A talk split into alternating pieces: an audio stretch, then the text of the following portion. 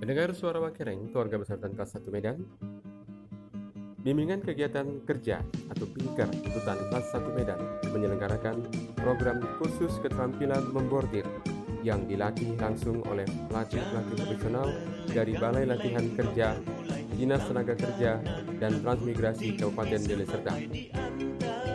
Bagi Anda yang berminat, dapat segera mendaftarkan diri dengan menghubungi langsung bimbingan kegiatan kerja Rutan Kelas 1 Medan ataupun Zona Pintar Rutan Kelas 1 Medan. Dengan persyaratan Anda tentunya sudah memiliki ponis bukan tapol dan memiliki kemampuan dasar usia. Selama program khusus keterampilan ini, selain mendapatkan sertifikasi, Anda juga berhak mendapatkan uang saku.